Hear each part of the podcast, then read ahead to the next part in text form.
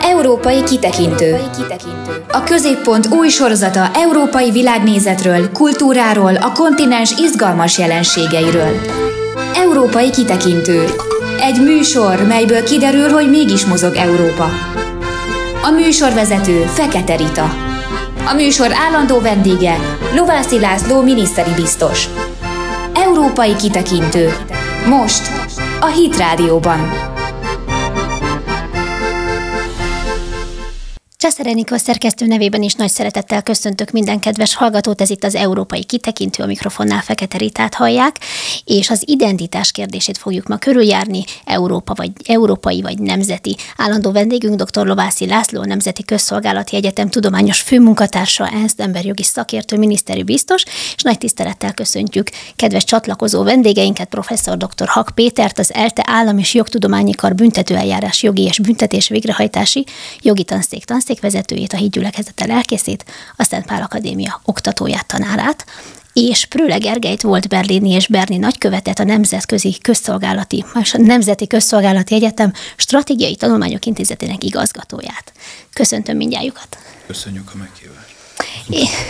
És ugye ez a műsorunk az Európai Unióval kapcsolatosan foglalkozik, az Európai Körkép című kiadvány nyomán, ahogy ezt a kedves hallgatók az előző adásban már hallhatták, és most az identitásról, az európai, illetve a nemzeti identitásról fogunk beszélni, és ezzel is szeretném, ha kezdenénk, hogy hogy lehet meghatározni egyáltalán a nemzeti identitásnak a kérdéskörét, és akkor Lovászi Lászlót kérdezném először. Hát uh, szerintem kezdett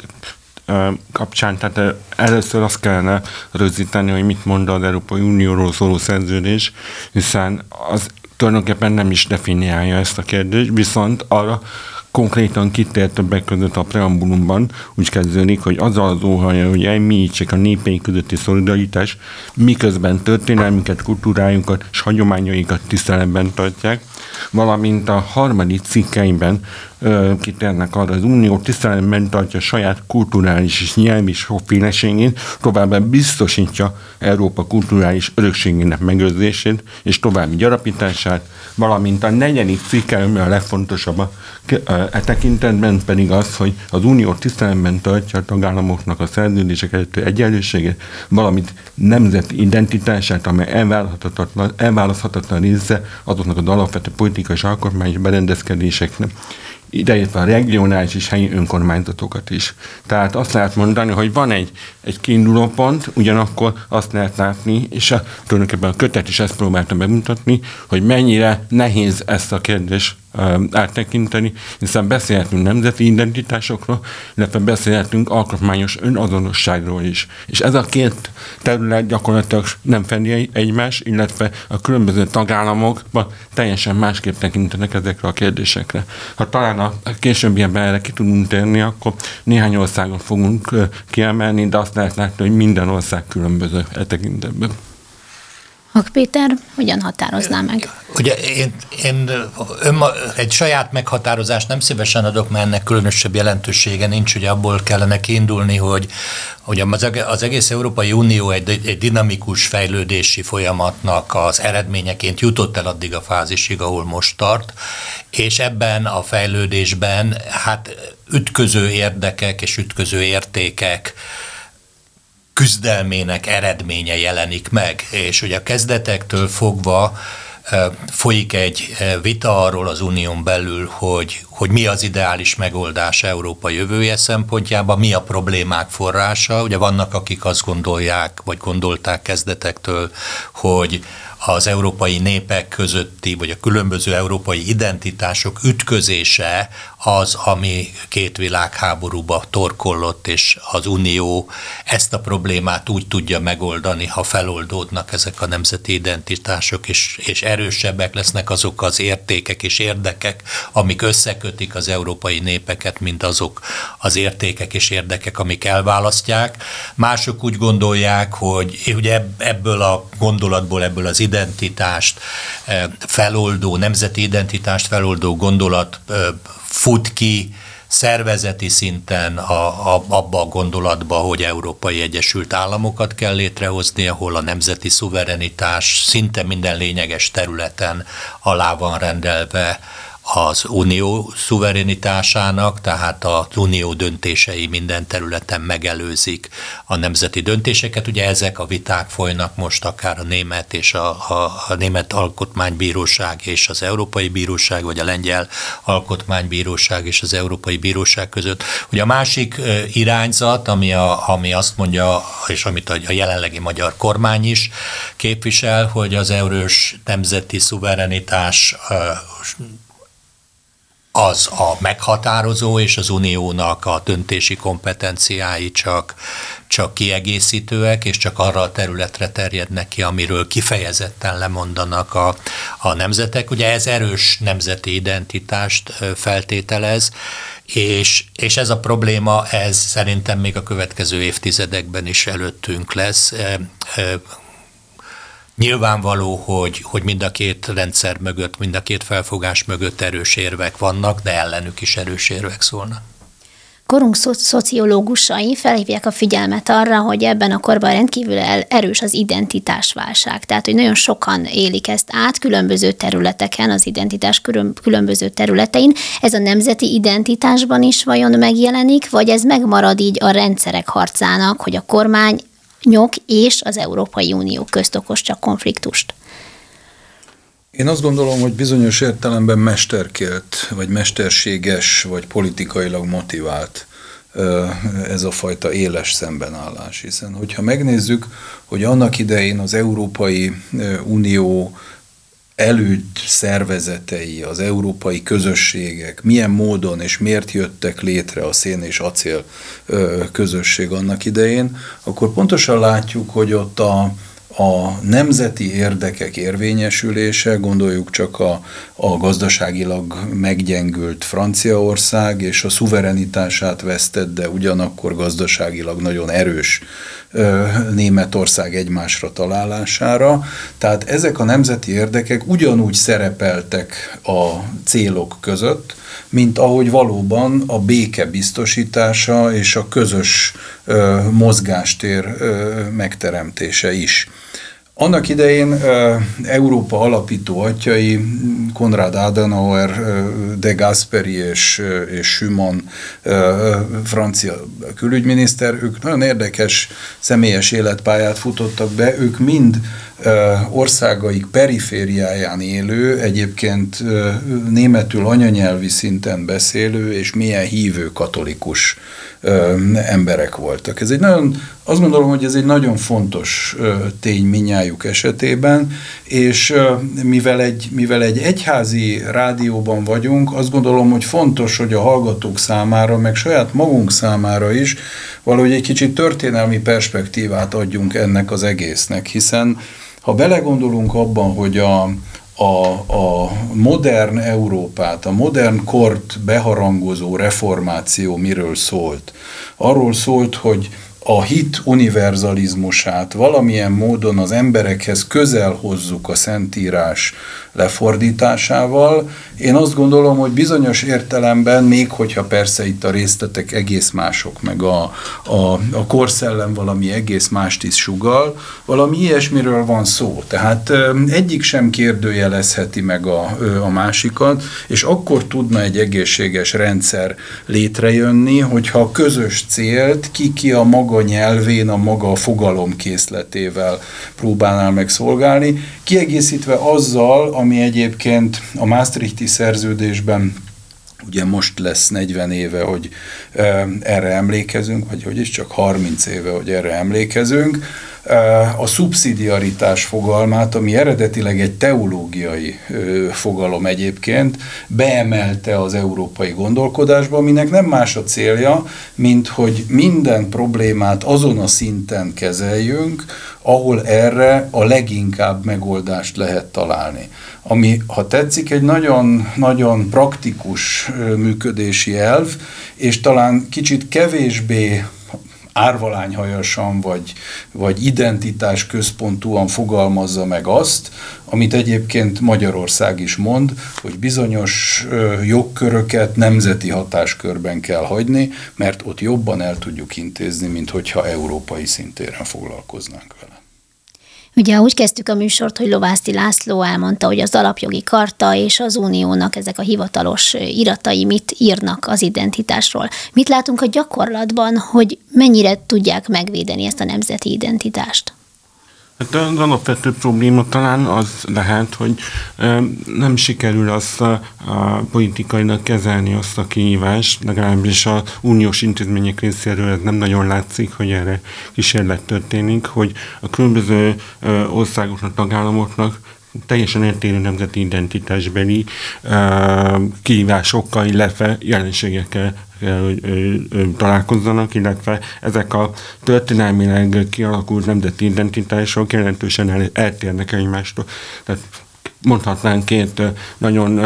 jellegzetes példát, hogy például Horvátország esetében úgy definiálják magukat, hogy mondjuk kereszténységnek egy védő bástyája volt. Szemben mondjuk Franciaországgal, amelyik egy etnikum független állam nemzeti identitásra jelenít meg, tehát a laicitásnak ott a történelmileg egy nagyon komoly uh, hagyománya és eredménye van, ami meghatározza mind az állam, mind pedig a társadalomnak a, a szemléletét. És a kettő között van nagyon sok uh, fokozat nagyon sok különbség, amelyek, amelyeket ugyanúgy figyelembe kell venni ebben a kérdésben. Hak Péter, mit gondol erről, mit, mit látunk? Ugye én azt gondolom, hogy Európának nehéz dolga van ebben, ezt jól jelzi például az a körülmény, hogy bizonyos értékeket, például a kisebbségek jogait, azt nagyon máshogyan kezeli az európai döntési mechanizmus. Ugye az a a nemzeti kisebbségek védelme érdekében sokkal, de sokkal kevesebbet tesz, mint másfajta kisebbségek érdekében, és ebben úgy tűnik, mintha egy érték alapú választás lenne. Ugye a nemzeti kisebbségeket hát sokokból Európában veszélyesnek tartják, ugye sok országot érint ez, ez rosszul, akár Spanyolországból indulunk el, akár Franciaországban, és ha érthető okokból tartanak a nemzeti kisebbségek túlzott megerősödésétől, mert félnek a, a nemzeti egységnek a megbontásától, és, és ezért, ezért Európa ugyan deklarálja azt, hogy a nemzeti kisebbségek jogait meg akarja védeni, de igazán túl sok mindent ennek érdekében nem tesz. Tehát én ezt egy, egy ellentmondásos helyzetnek tartom. De nagyon érdekes, amit, amit Prőle Gergely mondott a Európai Unió vallási alapjairól,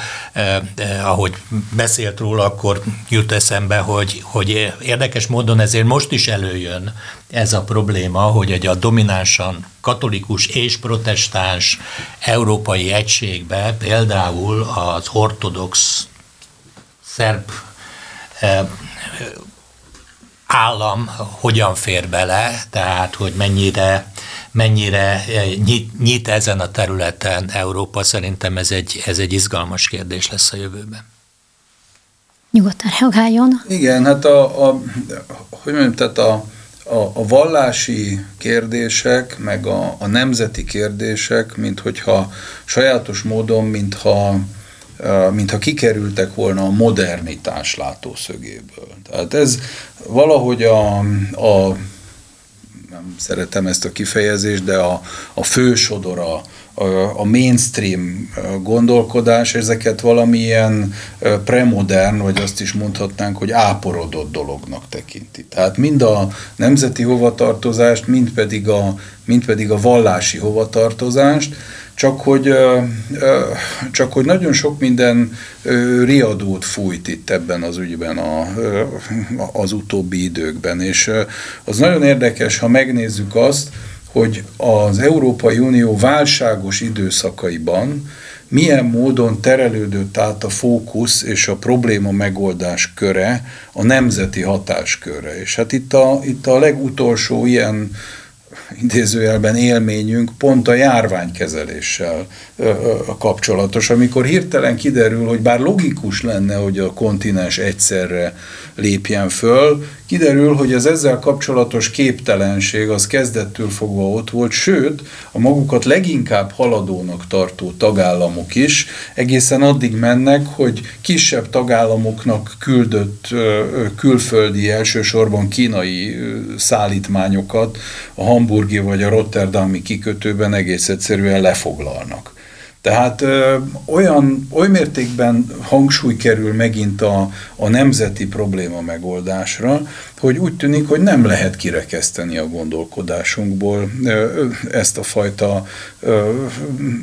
nemzeti identitás szempontot. A másik pedig, hogy azt is látjuk, hogy a, hogy a muzulmán közösség, amelyik jelen van ö, Európában, és most ö,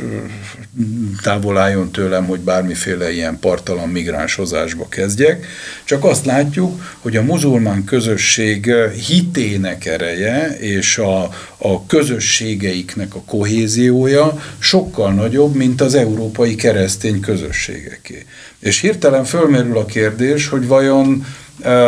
Egyfelől fölmerül az is, ami ilyen, ami ilyen általában ennek a migránshozásnak a következménye, hogy, hogy a, a magukat kereszténynek valló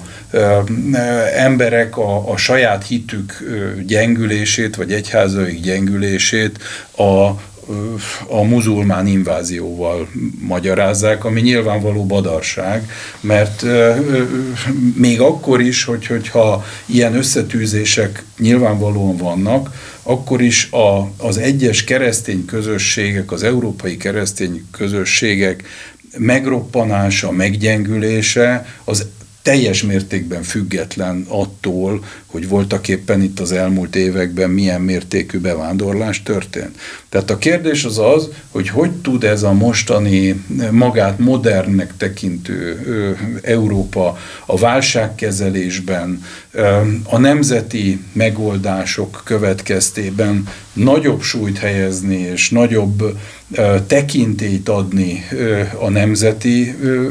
együttműködésnek egyfelől, és látván a a migrációs nyomás hatására megjelenő egyre erősebb muzulmán közösségeket, a keresztény közösség miképpen gondolkodik magáról, és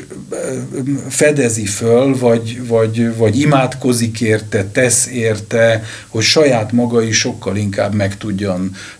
erősödni, és az a fajta kohézió, ami régen jellemezte, az valamilyen módon mégiscsak jelen legyen. Ha, ha szabad ehhez, mert szerintem nagyon-nagyon érdekes kérdés, és elnézést, hogy az eredeti témát egy picit eltérünk, de az identitás valóban nagyon érdekes, amit Prőle Gergely mond, hogy a, hogy a például az európai keresztény identitás, én is egyetértek azzal, hogy nem a muzulmánok megjelenésével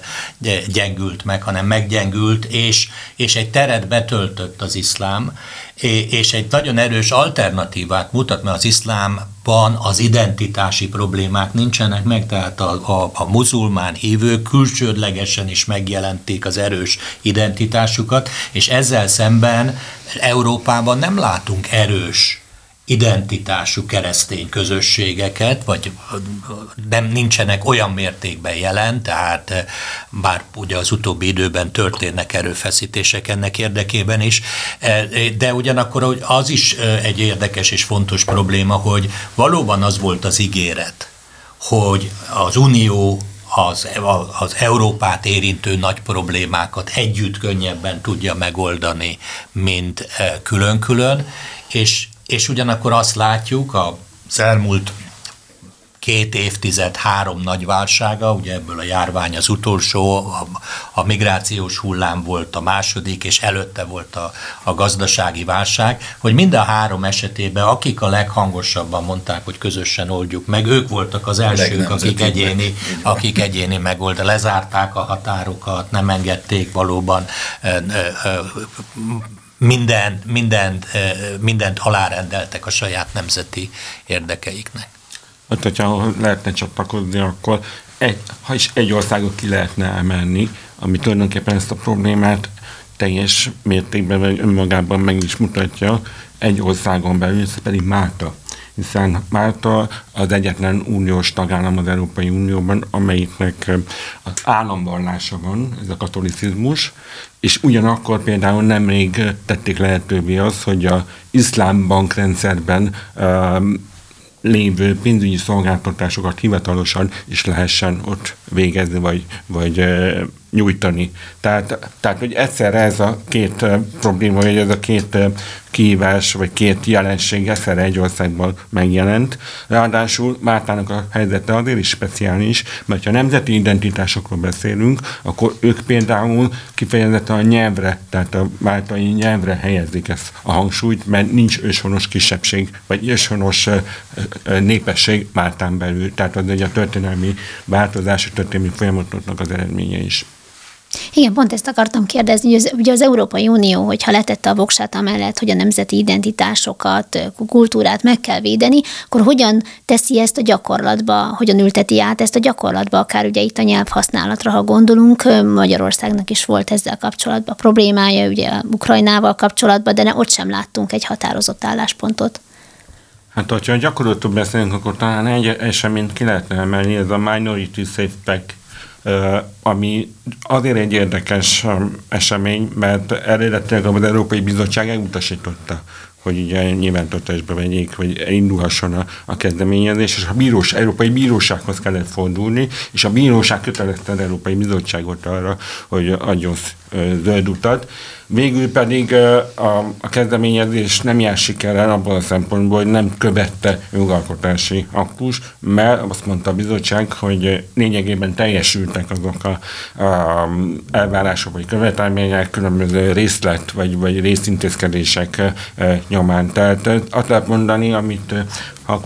úr is mondott, hogy itt van egy ilyen eltolódás, vagy egy, egy aránytalanság, amikor mondjuk a kisebbségek helyzetéről beszélünk, hiszen eh, látható, hogy a különböző kisebbségi csoportok tekintetében eltérőek azok a eh, kezdeményezések, vagy azok a eh, jogalkotási kezdeményezések, amelyek a, ő érdekükben megfogalmazásra kerülnek.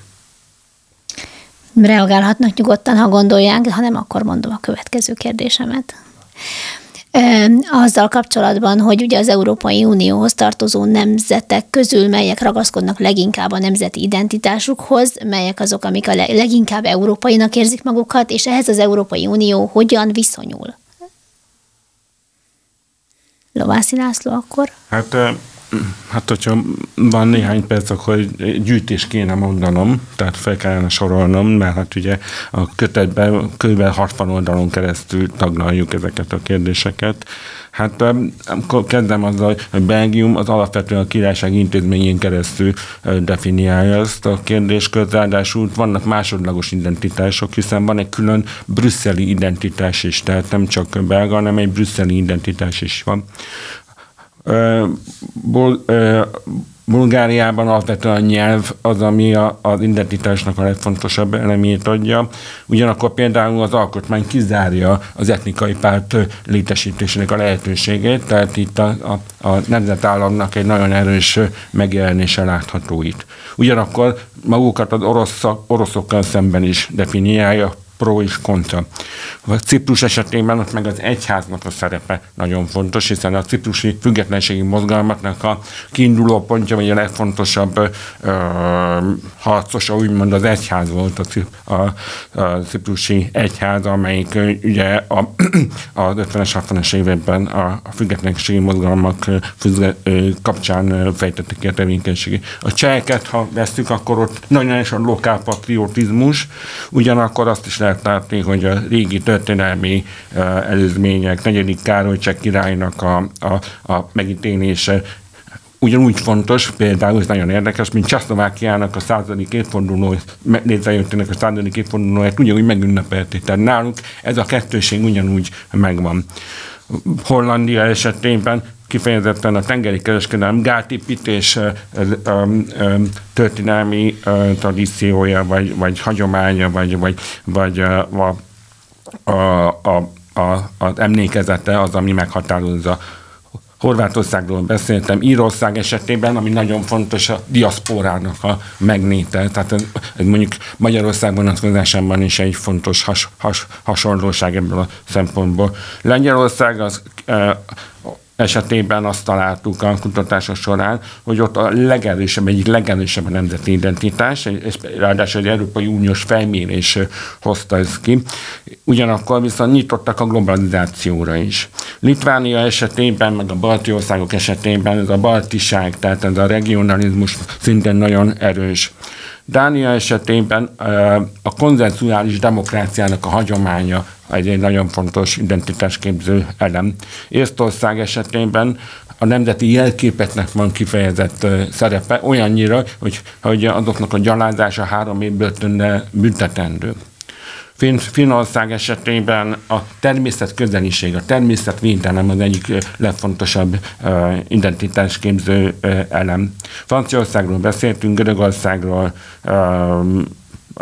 beszéltünk, illetve a, a ciprusi relációban ott is a, a, a vallásnak, az egyháznak szintén nagyon fontos szerepe van. A Svédország esetében ott a legkisebb a, a felmérése szerint a legkisebb a nemzeti identitásnak úgymond a népszerűsége, hiszen kevesebb, mint 10%-a gondolja a, a svédeknek, hogy a születésnek a helye az meghatározó a, a svéd állampolgárság tekintetében, és a kulturális ismérvek is csak 26%-ban fontos a, a népességen belül. Luxemburg esetében nagyon fontos a náci nép, népszámlálásnak a története 1941-ben, amikor elkezdték a nácik felmérni Luxemburg lakosságát, és hogy a három luxemburgiság, úgymond, tehát a nyelv, az állampolgárság és a nemzetiség vonatkozásában akarták megosztani a népességet, a lakosságot, és ez, a, ez az ellen mozgalom volt az, ami a 20. században Luxemburg esetében egy komoly előrelépés jelentett. Ráadásul luxemburgi nyelv, mint hivatalos nyelv, csak 1984 óta létezik, mint hivatalos nyelv. Márkáról beszéltünk, Németországot kihagynám, mert akkor arról szerintem főleg Gergely úr fog beszélni. Olaszország esetében érdekesség a tájkép és a történelmi és művészeti örökség, mint identitásképző elem olyannyira, hogy az alkotmány 9. cikkeiben ez külön szerepel. De ugyanakkor vannak a regionális ellentétek, és ugyanúgy szerepelnek a neoszuverenista folyamatok, nem csak a lengyel, nem csak a német, hanem az olasz legfelsőbb bíróság esetében, úgynevezett Tarikó ügyben 2017-ben, amikor az uniós kompetenciák és hatáskörök tekintetében volt egy fordulat, amiről egyébként nem esik sok szó, és végül Ausztria esetében pedig a semlegesség, illetve a kultúrnemzet, mint, mint identitásképző elem. Tehát nagyon röviden ezeket lehetne kiemelni. Akkor folytassuk Németországgal, és akkor megkérném Prőle Gergely urat, hogy segítsen ebben, hogy a németeknek mi az az identitásképző erő vagy pillérjük, amiben meghatározzák önmagukat. Azért nehéz dolog, mert ugye Németország egy nagyon nagy ország. És ott nem véletlenül beszélnek a többszörös identitásról, ami egy tartományi, azon belül régiós, sőt városi, ne felejtsük el, hogy a német egység gondolata az egy 19. század végi vagy második felében létrejött gondolat, hiszen egészen addig, és voltak éppen ez adja Németország máig meglévő óriási kulturális sokszínűségét és gazdagságát, hogy az egyes kis hercegségek, államigazgatási egységek, hanzavárosok, és a többi, és a többi, óriási anyagi erővel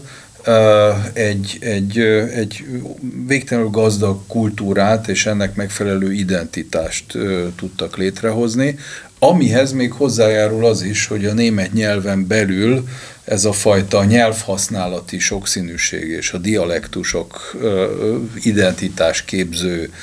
jellege még az is, az is érvényesülni tud.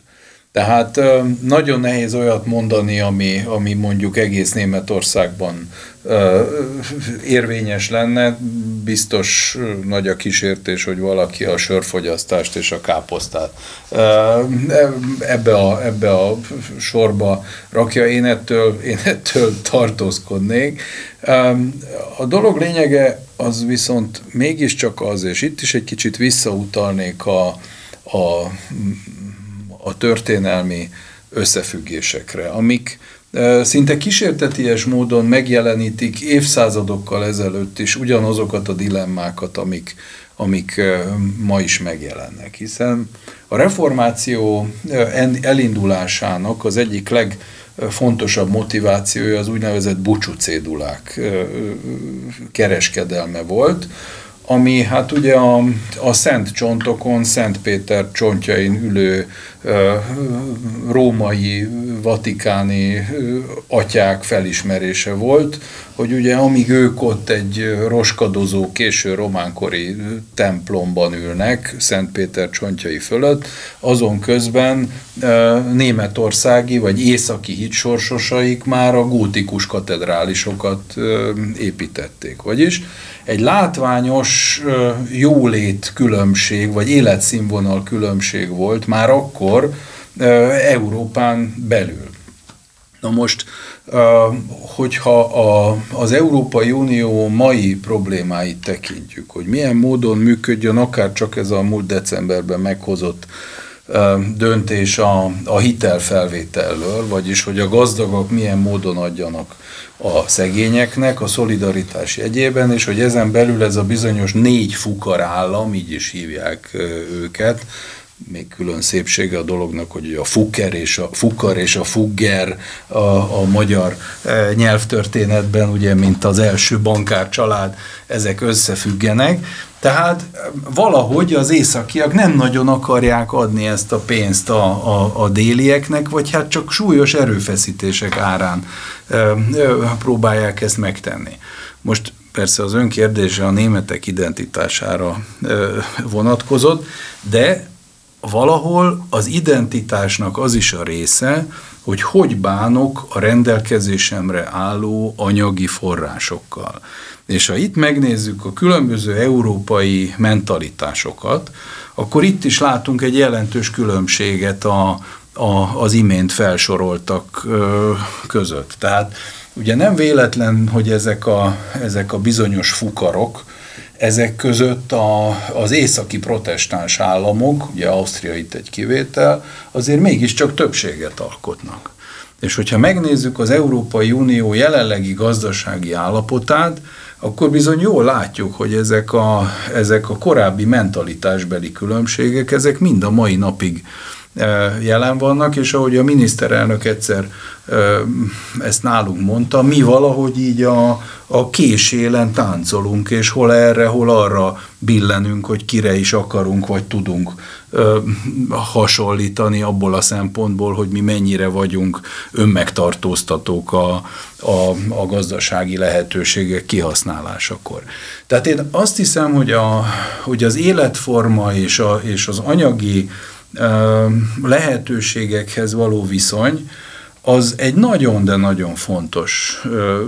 velejárója annak, hogy miképpen tudunk mi ebben a közös Európában együtt élni, és hogy tekintünk ezekre a, ezekre a forrásokra, amelyek, amelyek rendelkezésre állnak, illetve, hogy ez a fajta szolidaritás, ami azért az Európai Unió működésének egy nagyon fontos velejárója, azért ne felejtsük el, hogy Magyarország, mint Európai Uniós tag, és egyelőre legalábbis nem nettó befizető, hanem haszonélvezője annak a, jólétnek, ami Nyugat-Európában ugye inkább megvan, mint nálunk. Tehát mi is részesei vagyunk ennek a szolidáris Európának, és pedig azon az oldalon, ahol mindenképpen mi járunk jobban. Ugye az Európai Körkép című kiadvány nem foglalkozik Magyarországgal, hanem minden más nemzettel, amely az Európai Unió tagja, de hát itt a műsorban meg kell, hogy említsük Magyarországot is, és beszélnünk kell a magyar identitásról is, hiszen a hallgatók számára is nyilván ilyenkor fölmerül a kérdés, hogy vajon mi a helyzet velünk. Mi az Instagram oldalunkon föltettünk egy kérdést, hogy a kedves hallgatók válaszolhassanak, hogy európainak vagy magyarnak határozzák meg inkább magukat. Na hát most e viszonylag sok válasz érkezett rövid idő alatt, tehát közel 70-en válaszoltak, ennek legalább a 80 azt mondja, hogy elsősorban ő magyarnak, sőt, még több magyarnak tekinti magát.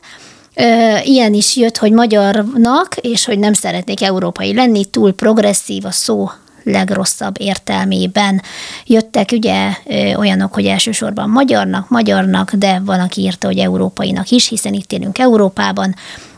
Mi a helyzet azzal, hogy mi itt magyar, magyarok, mi a nemzeti karakterünk, ha lehet ilyet mondani, vagy a mi identitásunknak mik azok a fő pillére, és most Hak Péterre nézek, hogy neki mi a véleménye erről. Ugye ez érdekes volt az előző körben, hogy a, az egyes országok identitását mennyire meghatározza a történelmi sajátosság. Ugye lengyel, elhangzott, hogy Európában lengyelek a legerősebb identitású E, nemzet, amit ha megnézzük a történelmüket, hogy a történelmük tulajdonképpen a nemzetért, vagy a hazáért folytatott küzdelemben telt.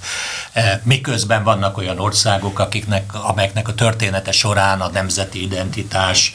e, soha nem került komolyan veszélybe, és ezért ugye más a jelentősége ennek. Ilyen szempontból a Magyar, Magyarország történelminek nyilván sokkal közelebb áll Lengyelországhoz, hiszen szintén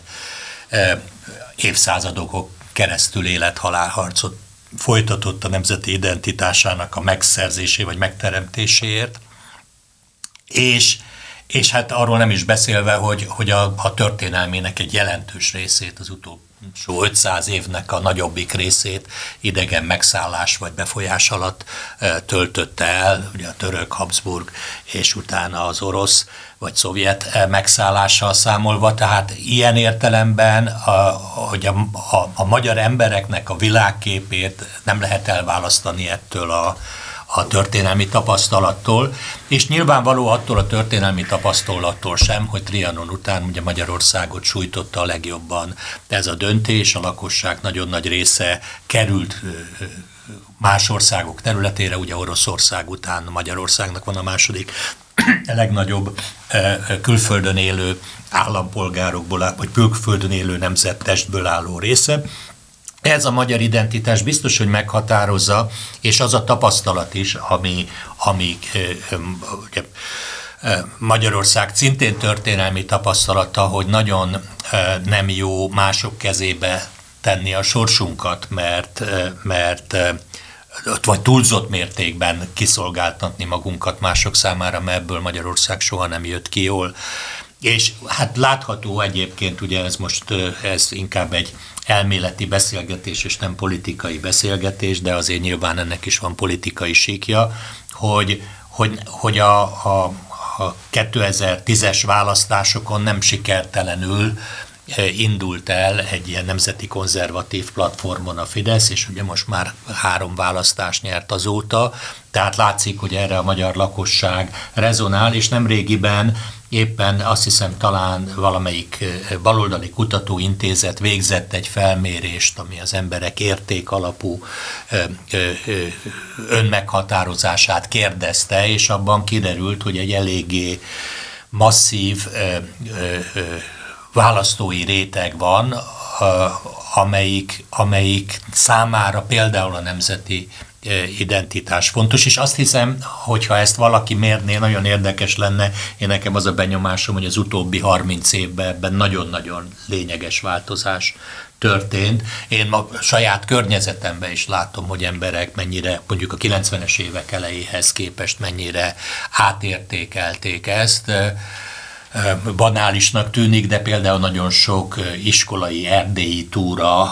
abszolút változtatott családok felfogásán ebben a kérdésben, mert ugye volt egy nagy rétege a magyar társadalomnak, amelyik ezt nem élte át, nem volt érintve, de ma már egyre többen érzékelik ezt, és tehát ilyen értelemben én azt gondolom, hogy, hogy a, a politi- vagy a közvéleménykutatások, illetőleg a szociológiai felmérések azt mutatják, hogy az elmúlt 30 évben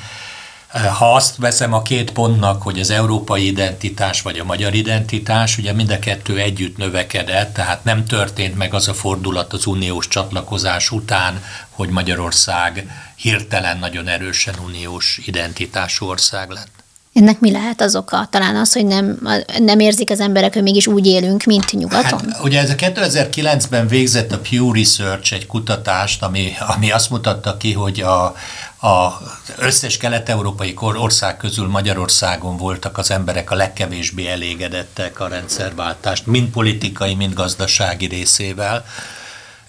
És, és tehát tulajdonképpen az az európai projekt, amely, amely azt ígérte, és azt a illúziót keltette, hogy ha olyan lesz a kormányformánk, mint Ausztria, úgy fogunk élni, mint Ausztriában az emberek élnek, amiről sokaknak volt tapasztalata élménye. Ugye ez egy nagy csalódásba torkolt, és ettől azért az ember, ez a történelmi tapasztalat, ez nem múlik el egyik pillanatról a másikra, hogy, egy, hogy a, az Európához, a végleg Európához csatlakozás nem hozott annyi jót, mint amennyit számít, amennyire számítottak. Voltak már 90-ben is, akik azt mondták, hogy, hogy, hogy itt Kelet-Európának is szüksége van a pusztai 40 éves vándorlásra, abból még van 9 év hátra. Akkor azt gondoltuk, hogy bár ne lenne igazuk, de a, a történelem lehet, hogy mégis őket igazolja. És ami még érdekes kérdés, hogy az Európai Unió hogy viszonyul ezekhez a nemzetekhez, amelyek markánsan vagy masszívan, ahogy fogalmazott Hak Péter, kiállnak a nemzeti identitás mellett, akár Lengyelország, akár Magyarország tekintetében. Hát ez nyilvánvalóan egy nehéz ügy, és a, a, még egy kicsit visszatérve a, az előző kérdésére, szóval a, a, amikor azt a kérdést teszi föl, hogy elsősorban magyarnak, vagy elsősorban európainak érezzük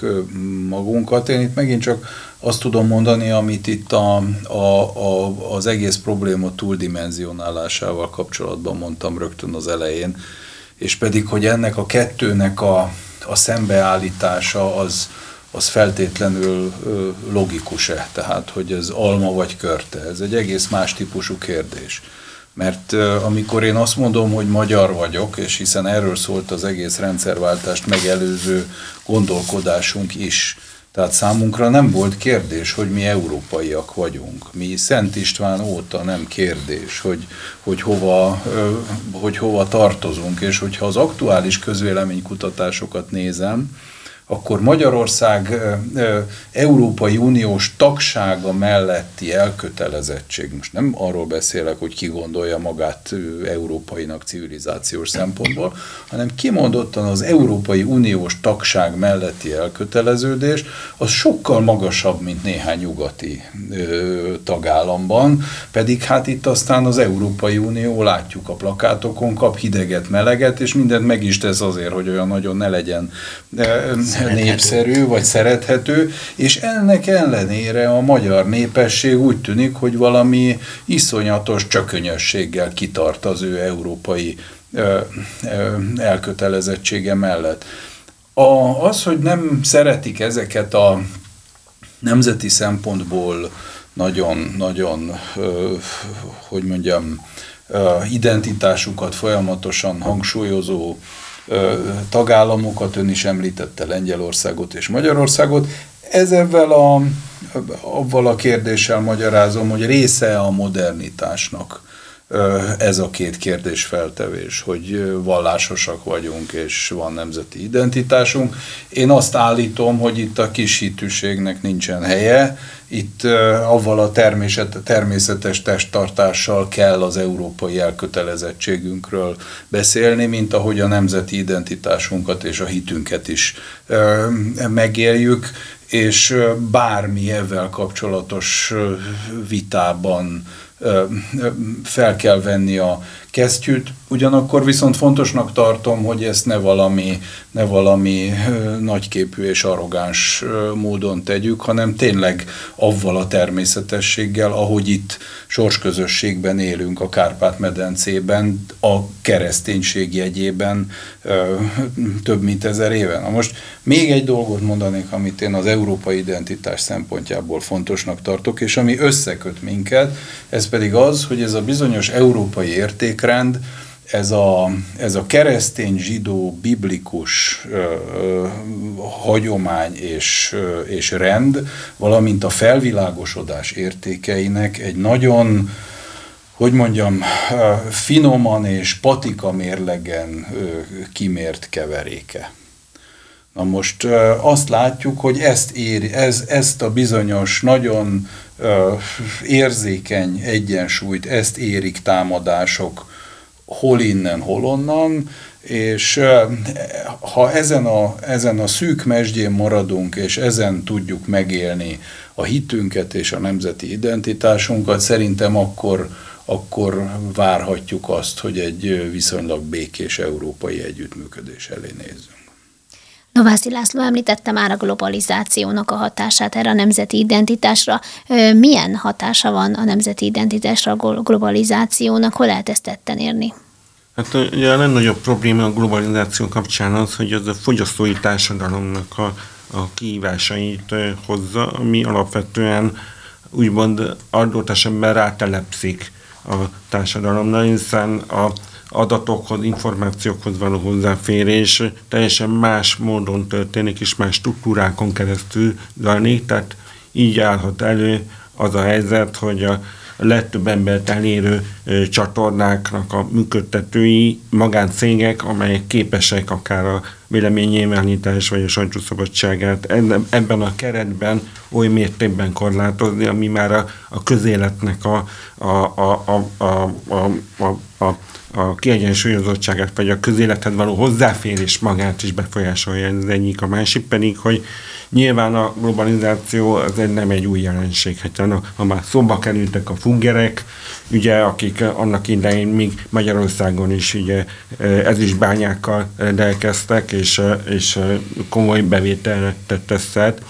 Másrészt a globalizációnak egy, egy új jelensége, vagy egy új kihívása az, ami a koronavírus járvány alatt is láttuk, hogy ezek a hosszú ellátási láncok ugye nagyon sérülékenyé, sérülékenyek váltak, és ennek következtében pedig a, a kiszámíthatóság és a, és a, a, a, a életmód, amit eddig megtapasztaltunk, alapvető kihívások tapasztalhatók ami viszont azt feltételezi, hogy az európai életmód hosszabb távon is megváltozhat,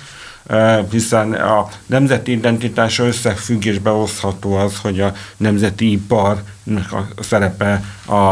a, a hazai gyártás, a hazai technológiának a szerepe is fel fog értékelődni. De ha nemzeti identitásról beszélünk, akkor én úgy gondolom, hogy a globalizáció az alapvetően ott fejtik ki a, a kedvezőtlen hatását, hogy az embereknek a, az egymáshoz való viszonya és a kommunikációja teljesen átalakult. Most itt arról gondolok, hogy a Facebook buborékok ugye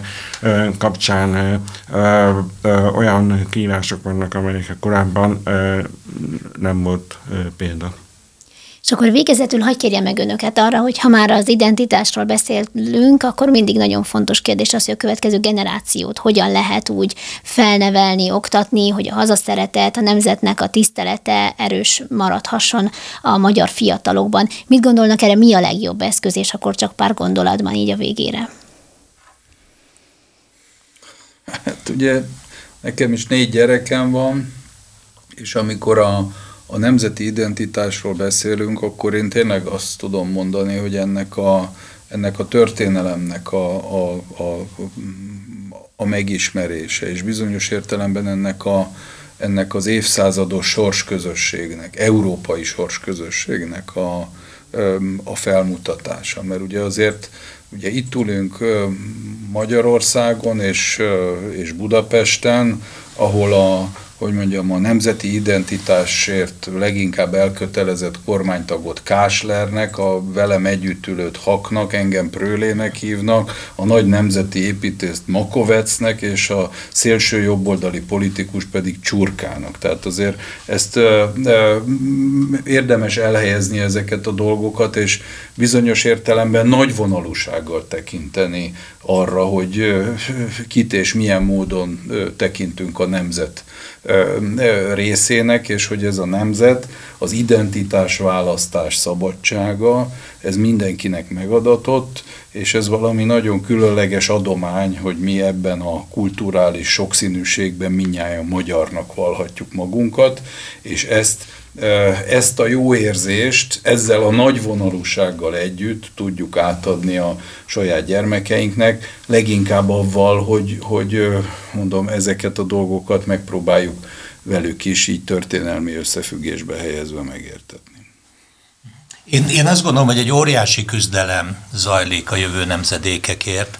és két, két nagyon ellentétes irányba zajló folyamatnak lehetünk tanulni. Ugye az egyik folyamat, amire utalás történt, a globalizáció, a közösségi média, amely a buborékképzés, amely az, a, amely az embereket egyre jobban elszakítja egymástól, és egyre inkább az identitásuk feladására kényszeríti. Ugye itt ilyen szempontból a Facebooknál talán még drámaiban látható ez a TikTokon, ahol, ahol a a, a kínai, a japán, a dél-amerikai és a magyar e, ugyanazt közli, mert az egész nem szöveget, nem nyelvet, nem értéket közvetít, hanem valami mást. E, tehát ez az egyik irányzat, e, és ezzel, ezzel szerintem akár, akár azoknak a természetes közösségeknek, amire Prőleg Reger utalt, a család, a, a, az, az egyházi közösségek, tehát a, a helyi gyülekezetek, mind közösségteremtő, ahol, ahol vannak személyek, akiket, akiket nem lehet egy kézmozdulattal kitörölni a képből, mert mert ott fognak maradni, nem lehet letiltani egy gomnyomással, eh, akiknek ott vannak a problémái, és akiknek a problémái befolyásolják az én életemet, és akikkel együtt kellene élni, és együtt kellene megoldani. És én azt gondolom, hogy, hogy a küzdelem ezért folyik, hogy, hogy ezek a természetes közösségek megmaradjanak. Eh, a család, az egy, a, számunkra azt gondolom fontos a, a felekezeti vagy a gyülekezeti közösség, a település, mint közösség e, e, ereje megmaradjon, és utána a nemzet, mint közösség is, mert, mert a bajban ezek azok a, a formák, amik segíteni tudnak. Ha nem jön baj a jövőben, akkor, akkor ezek mind feladhatók, mert akkor mindenki egyédileg e, maximalizálja az előnyöket, amit ez az új modern világ nyújt a számára. Ugye ezt neveztem én sorsközösségnek, amiket Hak Péter itt felsorol, felsorolt, ugye szűkebb és tágabb körben, ezekkel a valós élő húsvér emberekkel vagyunk mi körülvéve, és ennek a fontosságát érdemes hangsúlyozni. Én is úgy gondolom, hogy ezek az értékek az alapvetőek, ugyanakkor én, mindig is szoktam mondani a kisfiamnak, hogy 2030, csak ezt számot mondok, 2030-a a magyar népesség a világ népességen belül 0,002%-ot fog kitenni. Tehát, hogy az nem magától értető dolog, hogy itt vagyunk, nem magától értető dolog, hogy Magyarország van, és hogy, hogy Magyarország lesz, az csak rajtunk múlik. Nagyon szépen köszönöm a vendégeinknek, hogy részt vettek ebben a beszélgetésben, és elfogadták a meghívásunkat az európai kitekintő második részét. Hallhatták a kedves hallgatók, az európai vagy nemzeti identitásról is beszéltünk. Állandó vendégünk dr. Lovászi László, a Nemzeti Közszolgálati Egyetem tudományos főmunkatársa, ENSZ emberjogi szakértő, miniszteri biztos, és köszönöm meghívott vendégeinknek is, hogy részt vettek a beszélgetésben. Professzor dr. Hak Péter, az ELTE Állam és Jogtudományi Kar büntetőeljárás jogi és büntetés végrehajtási jogi tanszék tanszékvezetője, a hídgyülekezet Intézete lelkésze, a Szent Pál Akadémia tanára, és Prőle Gergely volt Berlini és Berni nagykövet, a Nemzeti Közszolgálati Egyetem Stratégiai Tanulmányok Intézetének igazgatója. Nagyon szépen köszönjük. Köszönjük szépen.